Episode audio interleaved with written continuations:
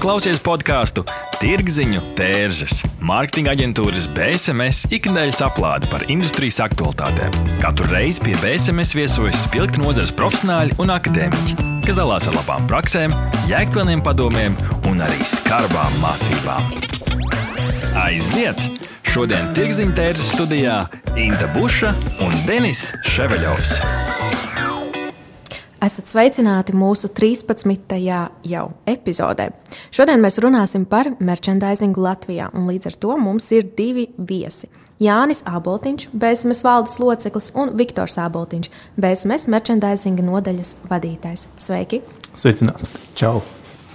Mēs, BSMS, tas nav nekāds noslēpums, nodrošinām merchandisinga pakalpojumus, un to mēs darām jau diezgan ilgu laiku. Un es pat teiktu, ka mēs esam uzskatāmi par eh, vieniem no spēcīgākajiem šajā segmentā. Jāni, varbūt jūs varat pastāstīt, kāds ir bijis tas uzņēmuma ceļš līdz merchandising pakalpojumu nodrošināšanai un kas gadu laikā ir mainījies? Jā, nu ceļš bija uh, vismaz astoņi gadi līdz uh, merchandising aizsākumiem. Ko mēs šobrīd saprotam kā kombinētais merchandising. Tajā laikā mēs to nosaucām par ekskluzīvo un kampaņu veida merchandising. Pastāstiet, varbūt mūsu klausītājiem, ko nozīmē kampaņu veida merchandising, regulārais un kombinētais. Kāda ir atšķirība? Sākšu ar ekskluzīvo. Savā laikā jā, ļoti populārs bija šis pakalpojums. Šo pakalpojumu pirka nu, pārsvarā, jo tad arī bija pieņemts, ka visi dara visu saviem spēkiem. Un, uh, Nu, tāds bija tās klišejas, kad uh, nevar, bija grūti pieņemt to, ka vieni un tie paši cilvēki dara arī tev, konkurentam vai arī kādam citam šo pakalpojumu. Bet tas bija vairāk saistīts teiksim, ar to, ka tas ir tas, man liekas, arī mārketingā bieži, ka cilvēki un klienti grib būt ekskluzīvi. Viņiem liekas, ak, ja nu, šis uzņēmums ārpakalpojumā darīs šo pašu pakalpojumu vēl kādam partnerim, tad tur noteikti būs kaut kāds sekretu noplūdums, un tur būs nezinu, kaut ko nozags. Vai nepietiekoši uzmanība būs veltīta viņam? Jā. E, jā, no tā, e, principā, no tā arī baidījās daudz, bet īstenībā tam nav, e, tam nav nekāda pamata.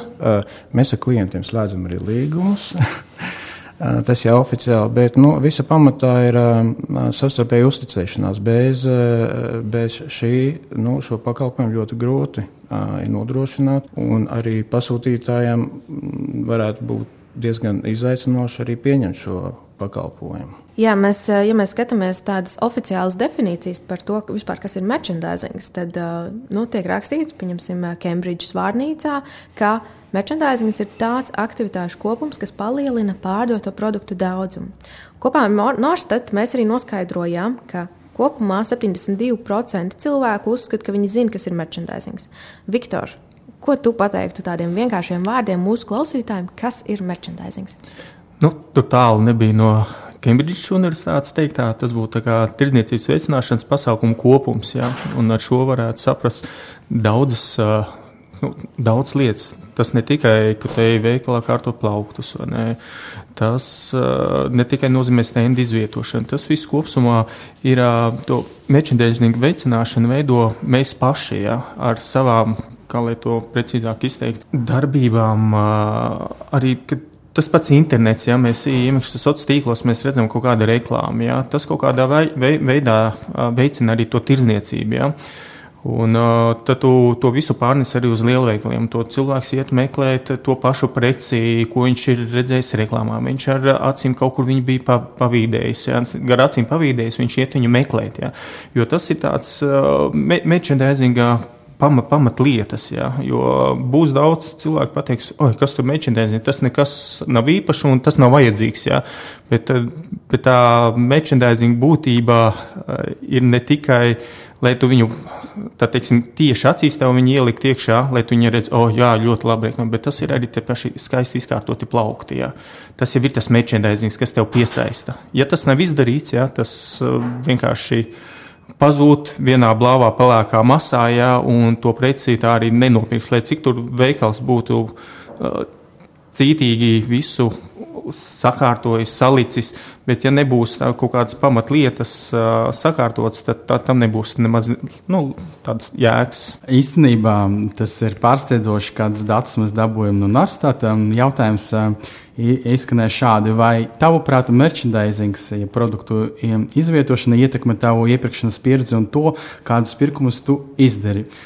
Un divas trešdaļas atbildēja, ka jā, viņi piekrita tam, ka merchandise tieši tam ietekmē. Bet man tiešām man bija uh, sagaidījis pretējs, ka cilvēki teiks, ka nē, tas es pats iz, taisīšu savas izvēles. Bet uh, redzi, kādi mums ir um, ļoti apzinātīgi uh, respondenti. Bet šoreiz mēs aptājos īpaši miļņāļus vecumā no 25 līdz 40, jo tie ir uh, visaktīvākie patērētāji Latvijā. Tā. Nu, redziet, tad, tad, ir citi mazliet uh, dati, bet tas ir prieks. Tas nozīmē, ka cilvēki arī skatās laikam uz to, vai smuki sakārtots, vai preci ir pieejama, vai tev vajadzētu uh, savu rociņu tālāk tur iebāzt to dziļumā, lai dabūtu savu mīļāko teju. Man tas par sevi runāja vakaras dienas pieredze, bija ļoti neapmierināts un domāju, kā tā tejas ražotājiem vajag uzrakstīt. Tā. Jo, kā saka, jāiet laikam līdzi, ja, jo ir kaut kādas iestagnējušas lietas, ja kaut kāda standarta, ja, bet, protams, laiks iet un e, jaunā paudze aug un jaunā paudze arī uz tehnoloģijām ir savādāk orientēta nekā, teiksim, tā vecāka gada gājuma, ja. Nu, tur uzreiz ir tas, kā lai saka, tā atšķirība, ja. Es pieļauju domu, pēc pieciem, desmit gadiem pavisam merchandising domās pavisam savādāk, vai arī citās liedēsies, ja. Vai mēs vispār varam pateikt, kurā brīdī merchandisings ir sniedzis klientam rezultātu un kurā brīdī nav? Tas tā ļoti grūti pateikt, jo merchandising nevar tā nomērīt, oh, rekur, es izliku snēdu, man uzreiz tirzniecība pacēlās nevis 100%. Ja. Jebkurš merchandising ierocis nesīs savus ieročus, vai sliktu vai labu, bet tas ir tas rezultāts. Jo būs cilvēki, kas pateiks, ai, man tas stēns nemaz uh, nepievērš viņu uzmanību, bet šā vai tā viņš iet, iet viņam ies vienreiz garām, otru reizi garām, trešam reizi garām. Un, un tiksim tā, pie kaut kāda desmitās reizes, kad viņš ies tam stendam garām, viņam zemesziņā jau būs iesēdies tas produkts, un viņš neapzināti viņiem arī nopirks. Bet tur jau ir tā lieta, ka merchandisinga. Tā, tā, tāds slēptie ieroči, ne, ka tas tev iesēdīsies tik tālu galvā, vai ne, ka tu viņu gribot, negribot vēlāk nopirks, un tur jau būs tas sasniedzis tas merchandisings to mērķi. Ok, parunāsim par vienu no tā, tā, tevis sauktajiem dēvētajiem ieročiem - impulsa pirkums. Vai tie strādā, Jāni, kā tev no savas pieredzes, vai tavuprāt, tu pats paļaujies uz tādiem impulsu pirkumiem, vai tomēr nē? Jā, tas strādā. Un īsnībā pie tā var arī Eh, pie tā ražotāji arī piedomā, jo impulsu preces ir parasti nu, preces, kam, nu, kas ir. Tad, kad tu atnāc mājās, atver savu pirkumu groziņu un apsties, ka tur ir viens, divi, trīs vai varbūt vairāk produktu, ko tu vispār nebija plānojis pirkt. Un ir diez, un tas ir diezgan liels biznesa kopumā, pie kā arī daudz ražotāju strādā. Pieņemsim, ah, man vakar es atceros, es biju piemājas veikalā mazajā. Es iegāju pēc saldā krējuma. Nu, tāpēc, kad uh, lielajā veikalā viņi nevarēja nu, to manu marku nopirkt, un es zināju, kur to dabūt. Es iegāju un pie kases ieraudzīju, o, oh, skaista zemeņu uh, paciņa. Nu, tur bija vairāk smuki izkārtots. Es saku, pārdevēju, nu, lūdzu, man šo zemeņu paki, tāpēc, kad uh, man garšo zemenes arī. Viņi uzreiz, varbūt divas. Es saku, nu, vai divas. Iepārdeva. un, respektīvi, iepārdeva. Un mājās, eh, nu, respektīvi, es izkrāvu, izkrāmēju savu pirkumu somiņu, un mājās bija, jā, nu, vismaz uh, seši produkti, bet gāja iepirkties Mm -hmm. Pēc saldā krējuma. Tas tā ļoti bieži, manuprāt, cilvēki par to runā, ka e, jāaiziet uz veikalu, nezinu, pēc piena vai pēc maizes un atnāc atpakaļ ar diviem lieliem iepirkuma maisiem. Vai tas ir merchandising nopelns, vai tie ir arī kaut kādi citi, nezinu, cilvēka psiholoģiskie aspekti, kā viņš plāno pirkumus, vai, vai kaut kādi citi vēl? Nu, pareizāk jau būtu uz lielveikala iet ar sarakstu. Es tā daru. Uh, lai neko lieku, pat neliko lieku, bet lai nopirktu visu, kas ir nepieciešams. Arī mūsdienās ir eh, pirkumi jāplāno, jo arī ir prasības šobrīd tādas, ir, kad, lai ilgi neusturās veikalos, par to tiek arī. Varbūt šodien netiek atgādināts, bet nu, kādu laiciņu atpakaļ regulāri rādīja fonos uh, veikalos atgādinājumu. Izskatās, ka tagad par šiem impulsīva pirkuma veicināšanas vajadzētu padomāt vēl vairāk, jo tiešām tā apziņotība ir visur, un cilvēkiem veido sarakstus, ir speciālas aplikācijas. Visi tie koči guru arī runā par to, ka vajadzētu plānu savu laiku un staigāt ar sarakstiņu pa veikaliem. Tāpēc arī vajadzētu visvairāk piedot, kā mēs varam pievirzīt iepirkēju, pat apzinātu iepirkēju uzmanību veikalos uz mani vienmēr strādā uzlīmē jaunums. Un tad man uzreiz gribētu pa, pamēģināt, kādi vēl ir tādi momenti, kā var sagrābt to uzmanību. Protams, veiklos ir tās cenu zīmes, ja, ja daudz kur ir pamanīts ja par, par uh, regulāri, teiksim, parastās cenu zīmes ar dzeltenu uzlīmi, ja, nu pēkšņi kāds izdomās uzlikt sarkanu, ja, vai nezinu, kaut kādā neparastā krāsā, kas piesaistītu uzmanību. Tas arī būtu tāds jau papildus piesaistes objekts, jo, ja tu arī es ar to pašu sarakstu aizies uz veikalu, tu plānos, plānos, vai to es nopircis, to es nopircu, un pēkšņi blakus tam produktam, ko tu jau gribi, gribi ņemt, un pēkšņi tur atradīsies, nezinu, ar lielā cenu zīmi, ne, tu uzreiz, o, oh, varbūt to vajag, tu, uzreiz pievērsīs uzmanību, varbūt to vajag arī uzreiz nopirkt.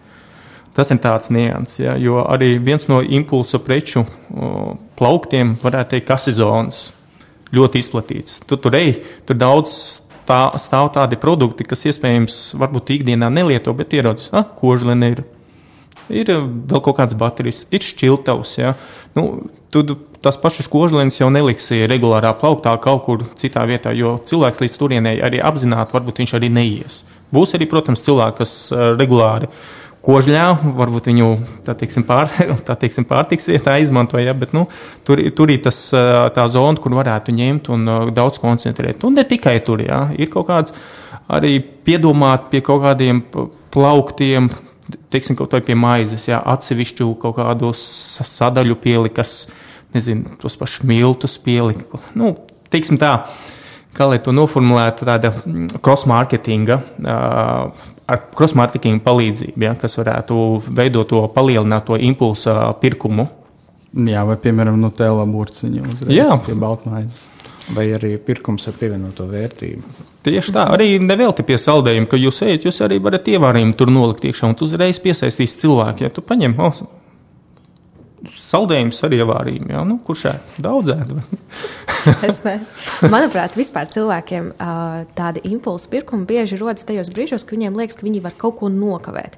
Ka ir kāds īpašs piedāvājums, kas nu, būs ar kaut kādu lielu pievienoto vērtību. Nezinu, vai tas ir jaunums, vai tas ir kaut kāda īpaša cena, vai kaut kāds īpašs cross-marketing, vai vēl kaut kas, vēl kaut kas. Viņiem liekas, nu, tagad ir īpaša. Nu, o, nu, iespēja, īpašs piedāvājums. Un es viņu, ja viņu izmantošu, tad nu, es būšu uzvarētājs kaut kādā ziņā. Nu, tas ir arī tāds psiholoģiskais savā ziņā triks. Jā, es varētu piekrist. Mēs arī jautājām kopā ar Norstat um, cilvēkiem, tad, cik bieži tu ļaujies impulsu pirkumam. Kā jums liekas, uh, vai cilvēkiem liekas, ka viņi, viņi domā, ka viņi tiešām paļaujas un ka tiešām tie impulsu pirkumi notiek, vai arī viņi to neapzinās? Es domāju, ka drīzāk neapzinās. Ka neapzinās, jā. jā. Jāni? Es domāju, ka apzinās, bet tas ir atkarīgs no vecuma kategorijas.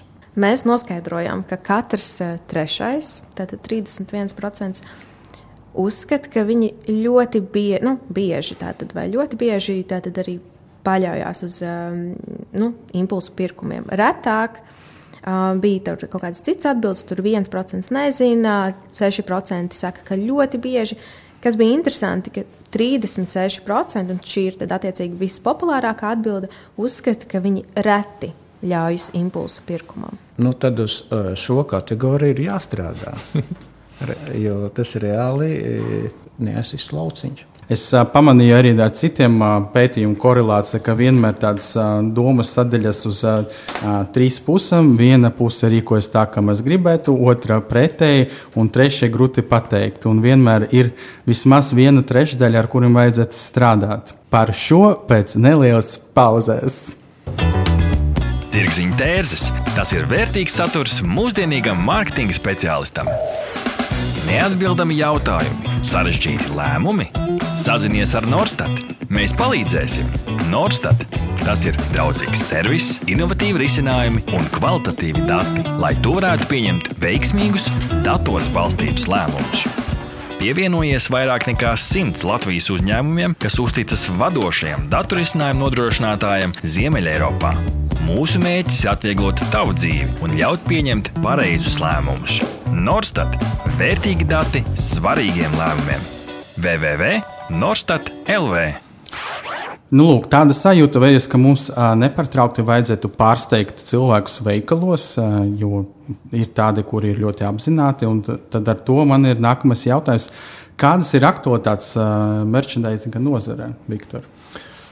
Tur varētu būt visāds, jā. Jo uz doto brīdi, ja arī pieiet klāt arī veiklos, jūs jau esat pamanījuši kaut kādas elektronizētas cenu zīmes. Ir kaut kādos veiklos, kur ir krāsaini, digitāli postmateriāli izlikti. Kas nezinu, kas postmateriāli, tie ir reklāmas materiāli. Ja? Tas, kas piesaista uzmanību, uh, ir televizori, ja? ir uh, visādi gala plaukti, kad noformēti dažādās uh, variācijās, ne, kas ņem viņus piesaista. Tas būtu viena no galvenajām lietām. Ja. Protams, uh, nav noslēpta arī uzlīmes, cenu uzlikas, ja, ko, ko uzlīmē, ja, kas piesaista uzmanību, ja, bet nu, visi šie ieroči visi tie līdzekļi ir arī atmaksājis un nes ar, arī savus augļus. Un, Viktor, man ir jautājums, kas bija topā pirms pieciem, desmit gadiem, kas tagad galīgi ir old school, bet pat nestrādā? Kas tas varētu būt? Ai, tā grūti pateikt. Jā. Nu, agrāk dro, droši vien neviens nebija domājis, ka būs uh, kaut kāds krāsains tā teiksim, postmateriāla šelfs, šelfstoperi, tā teiksim, plaukt uzlikas, jā. A4 krāsaini būtu agrāk vienkārši bija cenu zīmes, uz dzeltenas lapas kaut ko uzdrukāja vai neparādīja. Un... Jāni, tev ir ar ko papildināt šo momentu. uh par cenu zīmēm. Tā, droši vien Viktors būs vairāk speciālists, bet es, ko esmu pamanījis, kad periodiski pēc vairākiem gadiem lielveikali tiek pārkārtoti, plūsma virzieni tiek mainīti, jo arī tiek veikti pētījumi, kā pircējs iepērkas. Šie pētījumi regulāri, nu, ik pa laikam tiek atjaunoti, un līdz ar to arī veikali tiek iekārtoti attiecīgi šiem uzstādījumiem, kā vislabāk eh, to darīt. Un, ja tas nestrādā, tad tas noteikti netika darīts. Un arī šobrīd, ko mēs pamanām, kad uh, arī paškalpošanās veikalos uh, vairāk ir arī paškalpošanās kases, patiesībā sakot, mazāk apkalpošanas kases ir, līdz ar to arī mazāk impulsa produkti pie kasēm šos impulsu produktus ir tagad jādomā, kā, kā izvietot pa ceļam līdz, līdz, līdz gan paš, paškalpošanās, gan arī apkalpošanas uh, kasēm. Un, uh, un tur ir liels izaicinājums un, un darbs, un to jau visu mēs arī pamanām. Jā, Jānis arī pareizi bija pateicis, arī piebildīšu, ja tagad, ja pirms tam agrāk, ka iegājāt veikalā, sākumā stāvēja kaut kādi pirmās nepieciešamības produkti, ja, un kad cilvēks patērētājs nav gājis pa riņķi pa veikaliem, ja, viņš nopirka to, ko vajadzēja, un gāja tālāk prom. Tagad būsiet pamanījuši arī, ka jūs ieiet tie ātri, tā teiksim, nepieciešamības preces pirmās, ja, viņas stāv kaut kur pa vidu veikalā, kaut kur vienā stūrī, un pašās beigās stāv jau viss peļņu, ne, peļņu nešošākais produkts, vai ne? Un līdz ar to tas eh, mudina cilvēku iziet cauri visam veikalam un nopirkt to, ko viņš grib, un arī to, ko viņš arī negrib nopirkt. Jā, Tīksim, arī tie impulsa pirkumi. Jā, pirms es sāku strādāt BSMS, es par šādām lietām neaizdomājos. Tad reizē domāju, ah, nu tā nevarētu būt, ka tas stūra vai akcijas plaukti tas, kas strādā. Un es pamanīju, ka pēdējā pusgadā es tikai tur arī ņēmu visas tas lietas, ka tu uzreiz zini, ka tur ir smuki noformēts. Tur, piemēram, Santa Marija, tu redzi, ok, līlā, tad, tu, ja tev tāda sajūta, tu gribi kaut kādas Āzijas ēdienas, tad blakus tas parasti stāv gaļas izstrādājumi, tas viss ir pārdomāts. Mēs to arī tā, tā tieši arī analizējam. Nu, tieši tā, jā. Arī kaut vai arī uz līgo. Parasti mēs salu esam pieraduši pirkt tur, kur viņš ir, protams, bet papildus mēs gribam kaut kādas uzkodas nopirkt. Jā, un pa, pa, pamanīsiet, vītinātas zivis vai riekstiņas vai kaut kā nu, tādas vītinātas uzkodas. Jā, un tas arī ir tas uh, pievienotā vērtība. Tam, un, ja nepamanīsiet, tad nopirksiet noteikti. jā, tieši tā. Viena no tendencēm ir arī ekoloģiski risinājumi. Tas ir tāds trends, protams, ko mēs redzam visā pasaulē un dažādos griezumos. Un, uh, mēs arī BSMS bijām daļa no Rīgas Zero Waste kustības. Un, uh, šajā projektā tad attiecīgi patērētājiem bija iespēja iegādāties uh, sadzīves ķīmiju sev nepieciešamajā daudzumā. Tad bija lielie, lielie produkti, lielie tilpumi no šī izlēmējā stenda. Kā jums šķiet, vai šis uh, ir trends, uh, kas attīstīsies, vai šis ir tāds, šodien ir un nu, vairs nestrādās? Jā, kā tev šķiet? Vispār šis, uh, šis ir lielisks notikums, ka vispār kaut kas tāds ir uztaisīts. Pagaidām, diemžēl, pāris veikali. Ja nemaldos, ja kaut kas, varbūt, kaut kas ir mainījies. Uh, Un ļoti ceru, ka šī kustība turpinās savu attīstību. Galvenais, lai pircējiem tiktu radīts iespēja šo pakalpojumu iegādāties. Jo mēs visi zinām, mēs esam slinka būtne, un, ja tiek radīta apstākļa, ka tu to nevari, tad arī var mainīties uz atpakaļ, arī uz sliktāku. Bet nu, šī, šī kustība ir ļoti svarīga, un es domāju, ka ir jāattīsta. Jā, es pilnīgi Jānim arī piekrītu, jā, jo uh, Arī nevelti tagad mūsu visur apkārt ir atkritumu šķirošana. Ja? Un šeit arī cilvēks ņems, var piedomāt, ko viņš met ārā, ko nē. Ja, ja, ja viņš ir nopircis kaut vai to pašu gurķu burku, ja viņš to tajā gurķu burkā vēlāk izlietojot, viņš var arī krējumu ieliet arī. Citus sadzīves ķīmijas saliet iekšā, ne, lai izmantotu vienu trauku vairākām vajadzībām. Ja? Un par to cilvēkam būtu jāpiedomā vairāk. Ne tikai sevis dēļ, bet arī visu pasaules labu. Jā, nu, ja mēs tā tiešām e, runājam par šiem trendiem, tad uh, viņi bieži ir pasaules tādi virzīti. Ir arī tie, tās pašas, Viktor, tevis minētās digitālās cenu zīmes. Nu, viņas jau arī ir ne tikai uh, tāds uh, trends un trends pēc būtības, bet uh, patiesībā risina ļoti praktisku problēmu, ka tiem darbiniekiem tās cenu zīmes ir jāmaina manuāli, tas prasa laiku, bieži tas netiek izdarīts un tā tālāk. Un tas ir tas, ko merchandising ir. Jā, tur arī daudz, rodas daudz arī cilvēciskas kļūdas, jā, jo arī, ja piemēram, būsiet pamanījuši arī, kad uh, Tirzniecības veikala darbinieks, viņš atnāk akcijas perioda sākumā, viņam ir vesela kaudze ar cenu zīmēm, un viņam ir kaut kādi 4000 vienības jānomaina dienā. Ja? Kaut kāds pāris dienas, teiksim, dienā, divās. Ja? Viņš to fiziski, viņš ir teiksim, jau pārgājis, noguris un cilvēciski va, iemeslu vadīts, vai viņš var kļūdīties. Un šajā momentā mēs esam tie, kas arī palīdz arī veikalu darbiniekiem, arī veikalu tīkliem tās kļūdas atrast. Ja? Pasakām priekšā, te, kur mēs varam to palīdzēt samainīt. Ja? Tu...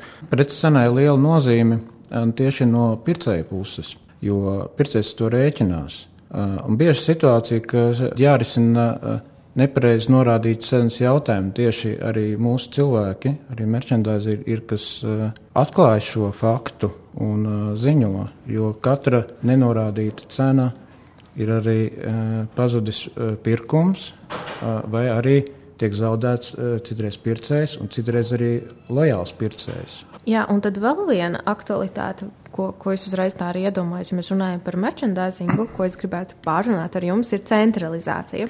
Proti, nav noslēpums, nu, tas nav noslēpums nekāds, ka, ja kādreiz pasūtījums varēja veikt katrā veikalā produktiem un arī mūsu klientiem, tad nu, tagad veikalu mazumtirdzniecības ķēžu sistēmas ir diezgan centralizētas, un šie procesi principā notiek caur galveno biroju.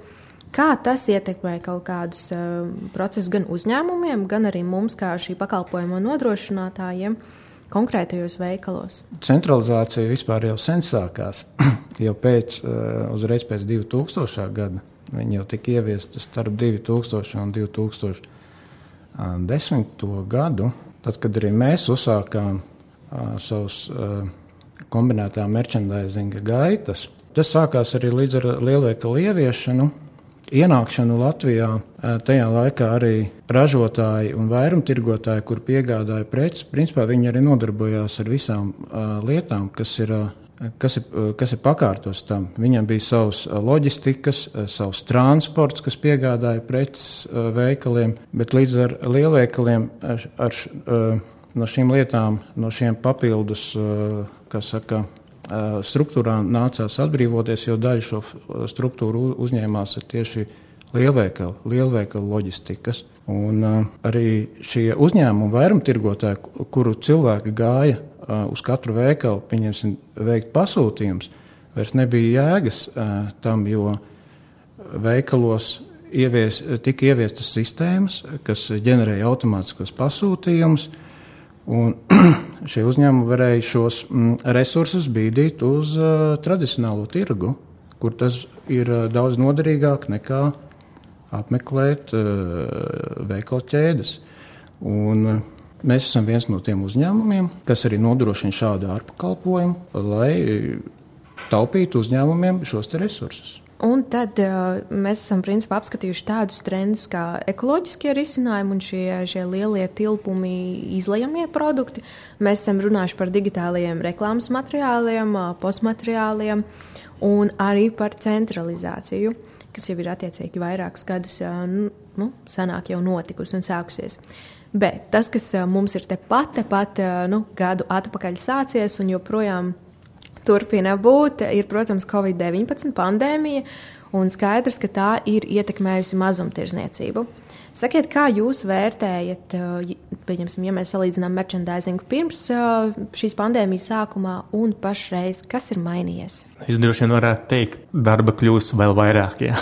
Jo šeit, šeit ir tāda situācija arī, ka, protams, ka pandēmija ir sākusies Protams, diemžēl daudz ir slimojuši, ir bailes, ir panikas, visāds ir bijuši cilvēku vidū. Un, uh, Mūsu darba rūķi, kā es viņu saucu, gāja uz veikaliem un vienkārši arī lielveikalu tīkliem palīdzējuši tikt galā ar to pašu kaut kādu preču izlikšanām, ja? cenu zīmes, likšanu ārā. Tad tas tā kā atspaidojās jau, jo pirms tam, ja, ja ja cilvēku daudzums bija pietiekoši, tad esošo brīdi bija tā, ka pirmā daudz slimoja, ja? nevarēja uz darbu iziet ārā.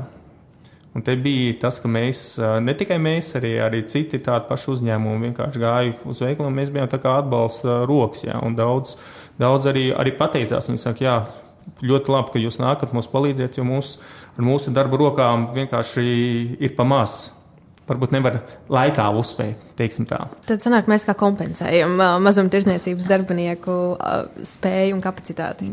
Es tā varētu teikt, ka jā. Okay. Jā, nu vai tev ir kaut kas piebilstams šeit? nu, gribētu ticēt, ka tā bija. Uh, nu, gan jau arī tā bija, jo īsnībā nu, šīs laiks arī ietekmēja nu, nu, kopumā arī mūsu klientus. Bija ierobežoti, ierobežoti produkti, kuri drīkstēja tirgoties.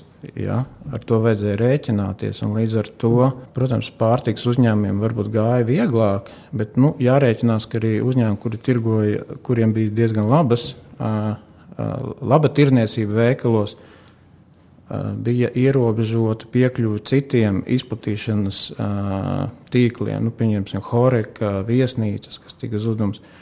Līdz ar to mums nācās veikalos ļoti aktīvi darboties, lai varbūt kaut kādā veidā kompensētu to, ko varbūt neieguva tajos tīklos. Un es domāju, tas arī daļa, daļa uzņēmumiem tas izdevās. Un uh, mūs arī par to arī novērtēja. Jā, pašreiz arī, ja sākumā nevarēja būt stendi, papildus uh, displeji, tad tagad viņi var būt. Vai mēs varam tad, uh, teikt, ka atlikušajā gadā mēs ievērosim, ka viņu ir arvien vairāk, jo tad uzņēmuma daļa arī mēģina kompensēt to laiku, kad nevarēja izlikt stendus? Es domāju, ka jā, man gribētos ticēt tam. Uh, nu, tāpat uh, Nu, šobrīd nav tā, ka viss būs baigi atkarīgs no mums. Būs, uh, ir, ir atkarīgs no mums, cik mēs būsim disciplinēti un tā tālāk. Bet nu, man gribas ticēt, ka tā būs. Jo cilvēki ir noilgojušies. Uh, Pircēji arī grib. Jā, rekordenis tieši priecājās jā, par Santa Marijas displeju. jā, man ļoti patīk. Man patīk, ka um, ir kaut kādi vizuāli palīdzības, kas man atvieglo iepirkšanas uh, un pa, pa, padara to iepirkšanas pieredzi patīkamu. Un forši, ka daži zīmoli par šo piedomā un, un pat ļoti aktīvi. Un tas atpelnas, jo tas uh, viņu preces parādās manā iepirkuma grozā. Jā, bet arī šeit ir jāskatās, ne, ka veikali nav bez izmēra, vai ne? Un tie stendi nevar, ne, nevarēs būt vairāk nekā vietas ir veikalā. Jā, tas ir. Bet man prieks, ka veikali pie tā piedomā. Arī, kā jau pirms tam teicu, kad notiek arī pārkārtošanas, es esmu pamanījis, ka arī daudzas nodeļas ir pārkārtotas šajā laikā. Nu, nu, piemēram, ja atgriežos pie tiem ierobežojumiem, nu, rotaļlietas nedrīkstēja tirgot kādu brīdi, tad tajā laikā, nu, saka, ko jūs tur darījāt? Nu, mēs arī nodarbojām teiksim, mūsu klientu lūdzu, lai šajā laikā mēs pārkārtojam šos plausus, kamēr nav pieeja tiem. Principā tā ir normāla situācija. Arī Horekas biznesā ļoti daudz pārkārtošanas, remonti notiek šobrīd, kas nav iespējams citā normālā laikā, jo ir aktīvs bizness. Mm -hmm. Gatavošanās kā jaunai sezonai, tā varētu teikt. Mm -hmm. Labi, tad, ja mēs runājam par vispār aktualitātēm, kas ir pašreiz aktuāls, tad skaidrs, ka mēs šeit jau esam iezīmējuši vairākus aspektus, un man interesē, kas tad varētu būt turpmākajos divos, trīs gados sagaidāms merchandisinga nozarē. Viktor, varbūt var sākt. Es te varētu skatīties, ka varētu būt merchandisings, varētu digitalizēties vairāk integrēties ar to digitalizāciju lielveikalos. Jā. Jo, ja skatās uz uh, ārvalstīm, jā, nezinu, to pašu, kaut vai Francija, Itālija aizbrauc, jā, tur uzreiz var redzēt, kā viņiem digitālais merchandising strādā. Jā. Tīra, nu, kā, tā, kā lai to precīzāk iz, izklāstīja, kad ir visādi raidītāji, jā, sastādīti veiklos katrā stūrī. Jā, Viņi sako līdzi produktiem, viņi sako līdzi, kādi ir atlikumi regulāros plauktos, Un šeit arī varētu būt tāda varbūt mīnus, vai ne, kad tieši darba spēks veikalos vairs nebūs nepieciešams tik daudz. Būs kaut kāds viens centralizēts operators, kas sēdēs pie datoriem un skatīsies, kas kurā vietā kāds izmaiņas ir. Un tad otrs cilvēks ies vienkārši ņems un papildinās to plauktu. Es drīzāk skatītos vairāk uz šo, jo, ja ņem vērā, ka mums tas Covid-19 vīrus tik ātri nepazudīs, ja es sāku jau paļauties, ka drīzāk uz to vairāk jau cilvēks sāks skatīties un pievērst uzmanību. Un šo momentu, ko varētu izmantot, to digitalizēt, arī piesaistīt arī pašus klientus ar to pašu investīcijām. Ja, jo, ja konkrēti veikals vai veikalu tīkls, ja viņš to viens pats darīs, tas būs diezgan lieli finansiāli ieguldījumi. Ja, bet, ja viņi piesaistītu arī pašus piegādātājus, ja es domāju, tas varētu gan atpelnīties un, un nest tādus pozitīvus augļus Jā, piekrītu. Domāju, ka tam ir nākotne. Bet mēs vēl esam aizmirsuši par tādu lietu kā e-merchandising. Jo mēs ne tikai ejam uz veikaliem fiziski un iepērkamies, un ir arī ļoti aktīva, aktīvs jautājums par e-merchandising, kas notiek interneta veikalos. Viena no merchandising funkcijām ir nu, uzraudzīt, lai visas starp pusēm parakstītās vienošanas vai sarunātās vienošanās, lai visas funkcionē un strādā. Šādas pašas vienošanas ir arī internetu veikalos. Piegādātāji maksā par izvietojumiem, baneriem, līdzīgi kā plauktos. Un, un šādu funkciju arī var veikt elektroniskā vidē. Jā, nu nevis fiziski iet, bet nu, ir cilvēks, kas eh, pie datora strādā un analizē šos datus. Finišējot mūsu sarunu un lēnām tad, uh, dodoties uz um, secinājumu daļu, jāsaka, ka mēs šajā sarunā esam pārunājuši un noskaidrojuši, ka 61% aptaujā to uzskata, ka merchandisings ietekmē viņu iepirkšanās pieredzi. Rekordenis mums ir arī viens noteikti no šiem mm -hmm. uh, dalībniekiem. Uh, un arī esam noskaidrojuši, ka mums ir diezgan apzināti patērētāji. Trešā daļa uzskata, ka viņi uh, tad, tad bieži paļaujas uz impulsa pirkumiem, tomēr lielākā daļa uzskata, ka viņi tomēr reti vai ļoti reti ļaujas impulsa pirkumam. Mēs arī pārunājam dažādus trendus, aktualitātes, kas ir jau aktuāls šajā brīdī, tāpat arī Covid ietekmē un kas varētu būt turpmākajos gados. Bet es ļoti vēlētos, ka Viktor un Jāni jūs varētu izdarīt secinājumus, un kas jums no šīs sarunas sarunas liekas tāds pats svarīgākais, vai ko jūs noteikti gribētu pateikt mūsu klausītājiem? Viktor, varbūt vēlēs sākt. Es varētu pateikt, ka merchandising droši vien nekur nepazudīs tālākajā vai pat tuvākajā nākotnē. Viņš būs, un es pieņemu, ka viņš arī vienmēr būs. Kādā izpausmē, to mēs vēl redzēsim. Jā. Un, ko es varētu pateikt, nu, darbie arī potenciālie klienti, ja, Nāciet ciemos! Nāciet strādāt! Tieši, tie, tieši tā, jā, jo uh, no tā nav jābaidās. Jā, jo ir daudz, kas varbūt skeptiski uz to varbūt skatās, jā, bet tam. Tad, Kāpēc? Bet... Pastāstiet, uzreiz, oh, es tagad iestarpināšu. Kāpēc skeptiski skatās? Viņi to ir, ir parasti bija jautājums, ko jūs tur darat? Viņi saka, tāpat, zina, kad aiziet uz veikalu, vai ne, tur tāpat viss ir izkārtots un tā tālāk. Un viņš nepamanā tos starposmus, ka mūsu merchandise, jā. Kā tas līdz turienei nonāk? Jā, kā tas kā... līdz turienei notiek. Mm -hmm. Tas ne tikai, ka mēs to darām, bet arī pats veikalā, veikala darbinieki to dara. Tas nav obligāti, ka mēs to esam izdarījuši arī veikala darbinieki ir arī tie rūķi, ne, kas nes ārā. Bet nu, nevienmēr varbūt tas uh, to patērētājs to ierauga. Bet uh, ir uh, tie cilvēki, kas strādā veikalā, ir tas, kas strādā kā mečeris, aiziet uz uh, to veikalu tīklu un palīdz atrisināt daudzas lietas, ko daudz apkārtnī iespējams nemaz to nenovērtē un arī neredz, uh, kā lai saka, uh, angliski be, backstage, ja, vai aiz, aiz, aizkulisēm, kā aizkulisēs notiekās. Daudz to nemaz nepamanā. Visi domā, ka viss tur pats par sevi ir, bet tur ir ļoti rūpīgs un ilgstošs darbs. Tiek ieguldīts. Gan drīz vai kā aizbergs, kur tātad uh, patērētājs uh, un bieži arī to starp klients redz tikai maziņu daļiņu. Jā, viņi ne, neredz, kas notiek apakšā, pašā apakšā. Jā. Jāni, kādi ir tavi secinājumi? Nu, man ir secinājumi tādi, ka mūsu darbs, ko mēs darām, īstenībā ir sabiedrībai ļoti noderīgs. Mēs rūpējamies, lai mūsu pircējs var savu mīļoto preci ērti atrast un ērti saņemt. Uz šīs nots arī noslēdzam mūsu 13. epizodi. Paldies viesiem! Pie mums šodien bija Viktors Āboltiņš un Jānis Āboltiņš. Paldies! Visu! Paldies, ka klausījāties BSMS podkāstu Tirziņu tērzes. Aplādi ar labām praktiskām, jēgpilniem padomiem un skarbām mācībām. Patika epizode? Dalies sociālajos medijos, ir idejas tēmām vai viesiem? Raksti mums! Tās bija Tirziņu tērzes. Tiekamies nākamnedēļ!